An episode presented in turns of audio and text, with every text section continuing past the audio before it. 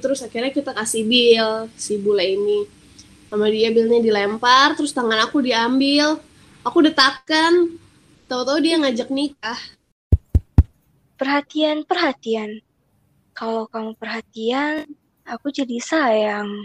Ah. Salah skrip, woy. Perhatian, perhatian. Bagi kalian yang sendirian, jangan takut kesepian. Pasang headphone dan ambil posisi nyaman. Karena podcast FTP akan segera tayang.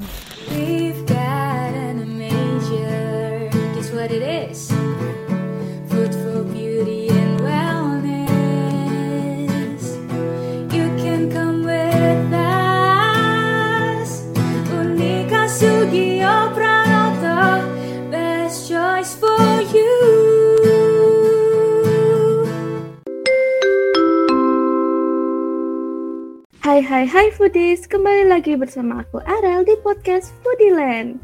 Hari ini kita kembali kedatangan tamu spesial nih. Hmm, penasaran kan? Yuk kita sapa-sapa dulu. Halo Kak Enji, boleh nih perkenalan dulu. halo aku Angie Em, aku kerjanya bartender tapi sekarang ini aku udah jadi brand development di Brown Forman Bali itu yang ngurusin bagian activationnya Jack Daniels dan kawan-kawan Wah, gimana nih Kak kabarnya? baik baik gimana kamu baik Baik banget dong pasti. Jadi guys, hari ini seperti biasa kita mau ngobrol-ngobrol. Tapi kita hari ini ngobrolnya bakal seputar bartending. Nah, penasaran kan? Yuk ikutin terus obrolan kita dalam podcast kali ini. Nah, Kak, kalau di Indonesia sendiri kan pekerjaan bartender tuh masih cukup jarang ya. Jadi sebelum kita ke pertanyaan yang lebih spesifik, ada baiknya nih kita kenalin dulu ke sobat foodies, apa sih itu bartender dan kerjanya bartender tuh ngapain aja? Em, bartender sesuai dengan kata itu sendiri bar dan tender jadi emang seorang yang tender bar seorang yang bertugas jagain atau di balik bar kayak gitu secara garis besar kerjaannya kurang lebih ya selain dia membuat minuman sesuai dengan orderan tamu ya dia juga preparation opening closing ngurusin hmm, cashiering segala macam sih. Dan juga harus em, ngobrol sama tamunya dan lain sebagainya. Sebenarnya kerjanya banyak cuman ya secara garis besar itu buat minuman untuk tamu. Wah, boleh nggak nih Kak diceritain? Kakak udah berapa lama jadi bartender? Terus ada pengalaman apa aja sih selama kakak jadi seorang bartender? Bisa diceritain nih dari awal mula, kenapa kok memilih jadi bartender, pengalaman kerja, terus kalau ada prestasi juga boleh dijelasin. Em, Oke, aku jadi bartender sekitar lima tahun lebih. Terus em, awalnya itu sebenarnya aku kan kuliahnya hospitality, hospitality management itu di Jakarta. Terus kalau di hospitality itu kan kita ada internship gitu ya kayak training. Eh, pertamanya itu sebenarnya aku nyobainnya pastry, pastry kitchen gitu. Tapi kayak somehow kayak nggak cocok gitu. Gue nggak cocok kurang kurang cocok gitu. Terus em, orang-orang juga ngomong kayak aku tuh cocoknya jadi orang depan. Cuman em, aku sendiri tuh pengen buat sesuatu maksudnya buat produk gitu loh. Nggak cuman yang orang depan yang cuman eh, ngobrol tapi nggak buat produk. Singkat cerita eh, training berikutnya aku nyobain lah eh, training di bar dan di Bali nah dari saat itu tuh aku udah langsung jatuh cinta jadi udah nggak pernah ke mana-mana lagi emang udah langsung jatuh cinta sama Bali jatuh cinta sama bar kayak gitu sih Wah, jadi kayak menemukan passionnya ya Kak. Mhm. Nah, ngomongin soal tadi kan sempat apa ya belajar untuk jadi bartender di Bali. Nah, kakak nih ada nggak ya skill khusus yang harus dimiliki oleh seorang bartender selain tentang minuman-minuman? skill khusus selain minuman em, banyak tapi kalau menurut aku yang paling penting itu uh, communication skill Hmm, mm, mm. soalnya ya maksudnya bartending ini kan ya kalau skill yang minuman kamu tahu termasuk teknik eh, resepi dan segala macam tapi selain itu juga kita harus tahu gimana cara manage eh, waktu opening closing terus caranya berorganisasi. Pasti kan ada atasan bawahan ada sesama bartender sesama waiter dan segala segala macam tapi yang paling penting itu sih menurut aku communication skill. Karena bartending ini kan apa ya it's all about hospitality. Orang datang nggak cuman untuk minum aja tapi untuk experience juga. Nah experience itu nggak bisa orang dapetin cuman dengan bayar uang dapat minum selesai. Kalau kayak gitu ngapain ke bar ya kan? Tapi experience itu kayak dari tempatnya, ambience-nya, terus juga kayak gimana orang-orang ngegreet dia, termasuk uh, bartender sendiri. Karena kalau seperti yang kamu tahu, orang-orang itu ketika dia ke bar, apalagi duduk di bar counter, biasanya mereka akan lebih open nggak tahu kenapa kayak secara otomatis. Langsung ngobrol bisa cerita masalah personal sama sama bartendernya segala macam jadi emang karakter personality attitude-nya bartender tuh ngaruh banget untuk uh, si tamu-tamu ini terutama yang duduk di depan meja bar. Nggak cuma bikin mereka nyaman tapi dengan communication skill yang baik mereka bisa jadi kayak semacam merasa seperti teman tapi mereka tetap belanja terus kayak gitu keren banget ya. Berarti bartender itu kerjaannya memang nggak terfokus di bikin minuman, bikin minuman aja, tapi ya harus punya skill komunikasi. Apalagi dia juga harus membawakan suasana yang nyaman buat customernya ya. Benar, apalagi um, kalau aku ngalamin di Bali kan, terutama banyak uh, turis dari berbagai negara. Jadi menurut aku uh, bahasa Inggris itu penting banget. Dan kalau hmm, bisa, uh, ya kalau bisa third language itu juga nilai plus. Hmm, oke. Itu kan tadi kita ngomongin tentang skillnya seorang bartender ya. Nah, kalau kakak sendiri, yang paling yang paling kakak suka dalam menjadi seorang bartender itu apa? Um, sebenarnya banyak yang aku suka dari kerjaan ini, tapi yang paling aku suka itu itu yang tadi aku bilang um, banyak tamu yang datang dari berbagai macam kan, maupun tamu yang udah pernah datang atau tamu yang baru baru pernah ketemu, tamu dari I don't Sumatera, Kalimantan, atau bisa aja randomly dari Rusia lah dari Afrika gitu. Jadi kayak ada aja pengalaman baru hal baru yang dipelajarin dari uh, orang gitu. Ilmu yang ditransfer dari orang yang traveling kayak gitu. Itu tuh priceless banget dan um, menurut aku itu uh, pengalaman yang bikin aku seneng banget kerja di balik bar. Selain itu juga apa ya um, kita buat or buat buatin orang minuman kita jadi teman ngobrol orang terus kayak ngelihat orang tuh happy karena servis kita itu tuh juga satisfaction tersendiri kayak gitu. Wah keren banget. Berarti ya kalau jadi bartender itu cocok banget nggak sih pekerjaannya buat orang yang suka bersosialisasi? Apalagi buat orang-orang yang suka ngobrol suka mendapat cerita-cerita dari orang lain gitu ya nggak sih kak? Iya bener banget sih. Kalau aku sih ngeliat um, makanya aku cocok juga sama kerjaan ini karena aku emang kayak suka ngomong terus kayak suka ajak ngobrol orang kayak gitu. Ya suka nanya-nanya hal baru. Itu juga kalau emang karakternya pas pasti kerjaannya jadi asik banget sih. Wah bener nih guys. Didengerin baik-baik ya. Bartender tuh sebenarnya nggak cuman tentang membuat minuman loh, tapi skill komunikasi kalian dan bagaimana kalian membawa suasana itu penting banget. Nah kak, boleh nggak nih diceritain? Aku tuh pernah dengar kalau bartender tuh punya kepekaan tersendiri terhadap customernya terutama. Ada nggak sih kak unspoken rules yang harus diketahui oleh seorang bartender? Um, kalau kepekaan tersendiri apa ya? Emang sih kalau menurut aku ya aku selama lima tahun um, kerja di bar itu jadi lebih lebih pinter dalam membaca orang dan membaca situasi. Hmm. Iya, hmm. karena kita udah biasa kan kayak ngelihat orang nih, oh nih orang anggaplah ya nih orang lagi seneng apa nih orang lagi bete apa lagi sedih kayak gitu kan. Kita harus kayak tahu cara kita membawa diri gitu kan. Nggak mungkin dong orang hmm. contoh ya orang lagi honeymoon datang ke bar mereka lagi ya tau lah orang honeymoon lagi in love bla bla bla nggak mungkin dong aku celah aku ajak ngobrol terus. Ya aku harus kasih space lah untuk waktu mereka berdua kayak gitu. Dan maksudnya kita tuh harus pintar-pintar baca orang kayak gitu. Misalkan dia um, solo traveler terus dia emang kayak interest banget sama budaya Indonesia. Ya pasti aku akan ajak ngobrol terus tentang budaya Indonesia segala macam segala macam gitu. Kalau dia nggak nggak interest nggak interested di koktail terus aku ajak ngomongnya kamu tahu nggak ini whisky berasal dari sini sini sini? Ya pasti buat dia juga boring ya dong kalau dia nggak interest di hal itu. Jadi di situ kita harus pinter-pinter nih baca tamu gimana caranya ngehandle uh, orang. Karena ngehandle si A dan ngehandle si B nggak bisa sama gitu setiap orang beda. Terus kepekaan yang lain itu mungkin di um, ini kalau orang udah mulai mabuk itu sebenarnya kita bertanggung jawab untuk nyetop dia minum Oh, gitu. Kalau di Indonesia sih sebenarnya nggak terlalu ketat ya untuk aturan aturan aturan seperti itu. Tapi kan kalau kayak di luar negeri itu lebih ketat ya kayak apa mm-mm. nyetir sambil dalam pengaruh alkohol, terus kayak um, yang benar-benar terlalu mabuk sampai pass out itu kayak bartendernya juga responsible.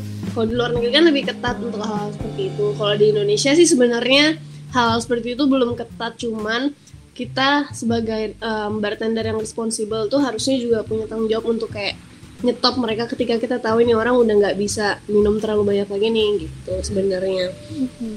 itu sih terus apa ya kepekaan yang lain mungkin kadang ada orang yang minta dibuatin minuman yang kayak eh buatin minuman yang nggak ada di menu dong atau apa kayak kita juga harus pinter-pinter baca nih orang sukanya apa ya kayak gitu gitu sih kalau kepekaan Jadi kalau misalkan kita jadi bartender itu bisa melatih kemampuan kita untuk membaca orang nih ya.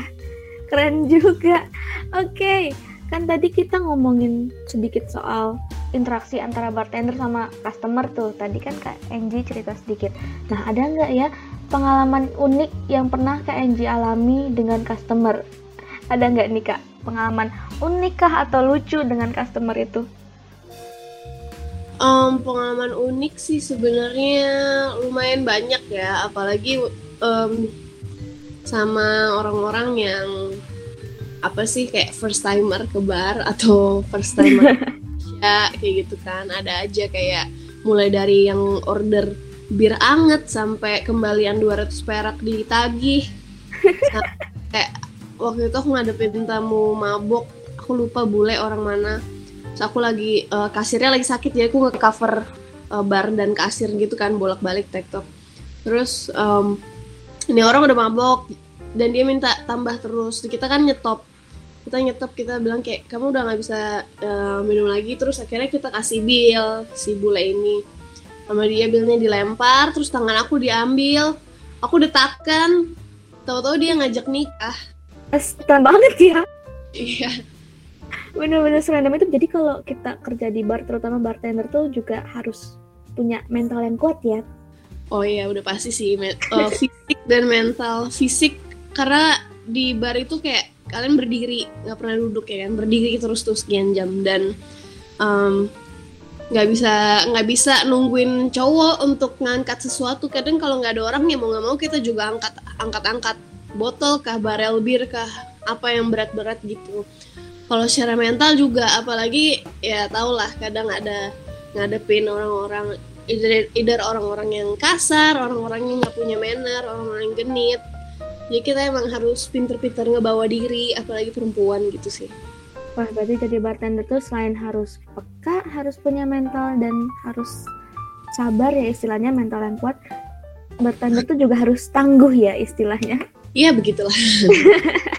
Oke, eh, kan kita tadi udah ngomongin pengalaman sama bartendernya nih guys, gimana interaksinya dengan customer dan kerjaan bartender tuh apa aja. Tapi kalau kita ngobrol sama bartender itu nggak afdol kalau kita nggak ngomongin tentang cocktails atau minuman-minumannya. Nah, Kak Enji boleh nggak nih dijelasin apa sih eh, atau ada nggak sih trik-trik tertentu atau aturan tertentu dalam mencampur minuman atau basic cocktail mixingnya?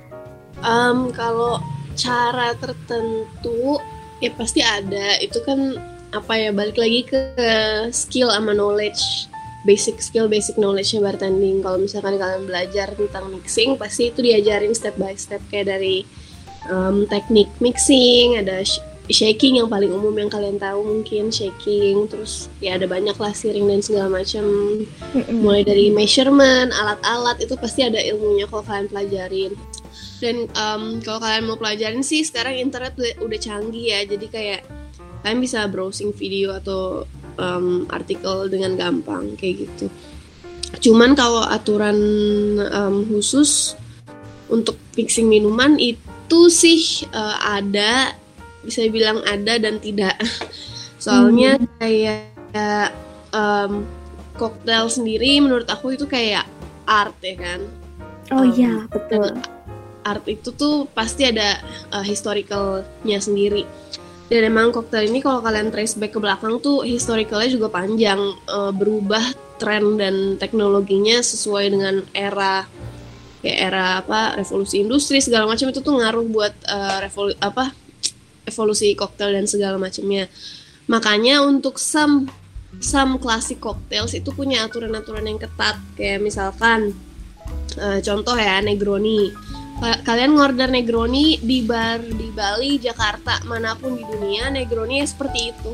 Ingredientsnya tiga, nggak akan diganti, tekniknya seperti itu dan saya itu udah pakem gitu, sesuatu yang pakem. Mm -hmm. Itu untuk um, some classic cocktails gitu. Tapi um, kalau misalkan in terms buat koktail anggaplah aku membuat koktail signature aku sendiri atau kayak kamu membuat koktail untuk project itu nggak ada sih aturan yang bisa bikin yang bisa bilang bisa ah sorry bisa bilang kayak eh NG itu koktail salah ini koktail bener itu nggak bisa nggak hitam putih gitu sih karena eh, balik lagi aku bilang tadi itu art kan jadi kayak nggak bisa dibilang salah bener gitu sih uh, as long as itu emang dicampur dengan baik bisa diminum nggak membahayakan ya sebenarnya nggak masalah kayak gitu. Wah jadi ini lebih bagaimana seorang bartender itu bisa mengeksplor sebuah resep ya nggak sih? Istilahnya. Iya benar benar emang creativity banget di apa diasah banget sini apalagi kalau customer tuh suka minta yang aneh-aneh ya kadang requestnya sendiri mau dicampur ini campur ini campur ini ya kan nggak iya benar apalagi kalau um, dulu aku sempat kerja di restoran fine dining gitu kan dan ternyata hmm. semakin orang fine itu semakin uh, semakin aneh-aneh um, apa preference dan alerginya gitu gitu jadi itu tuh kita harus accommodate misalkan maksudnya ya anggaplah kita balik ya kamu ngabisin sekian juta untuk makan minum di restoran mewah pasti pengennya diakomodate dong uh, kemauannya. Jadi kita di situ kayak sebisa mungkin akomodate misalkan dia kayak ngomong no sugar ya kita harus gimana cara kita bikin no sugar tapi enak kayak gitu. Atau misalkan dia bilang kayak um, I'm allergic to uh, lemon misalkan ya udah kita gimana cara harus nggak pakai lemon tapi bisa tetap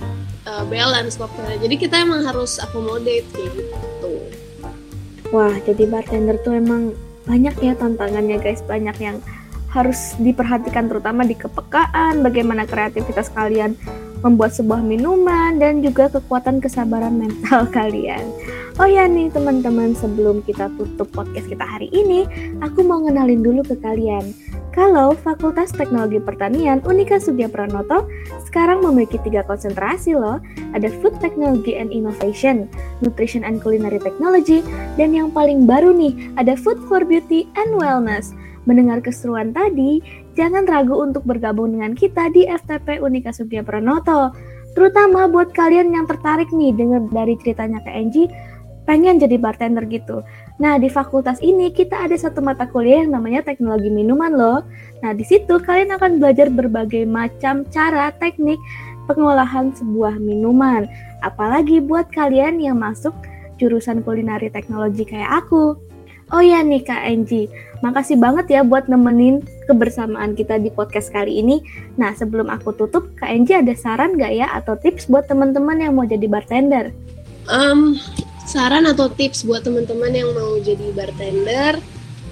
Ya gimana? Yang pertama, kalau emang kalian mau jadi bartender, ada baiknya kalian emang uh, perdalam dulu skill sama knowledge-nya, karena itu yang bisa kalian lakuin um, sebelum punya pengalaman ya kan uh, communication skill, uh, bahasa Inggris itu juga nilai plus ditingkatin dan yang paling penting sebenarnya niat sama passion sih karena ya itu um, kerjaan ini kan sebenarnya nggak nggak ringan dan juga uh, terutama di Indonesia kadang masih ada orang yang old school minded kan. Jadi emang kita harus kuat mental kuat fisik dan harus apa ya bisa um, go for it gitu. Gas aja mau mau orang bilang apa mau mau kita apa namanya dibilang takut gagal segala macem. Tapi kalau emang kita udah passion dan emang yakin mau yakin pengen ya go for it gas gas terus Wah mantep banget tuh sarannya Udah didengar baik-baik kan teman-teman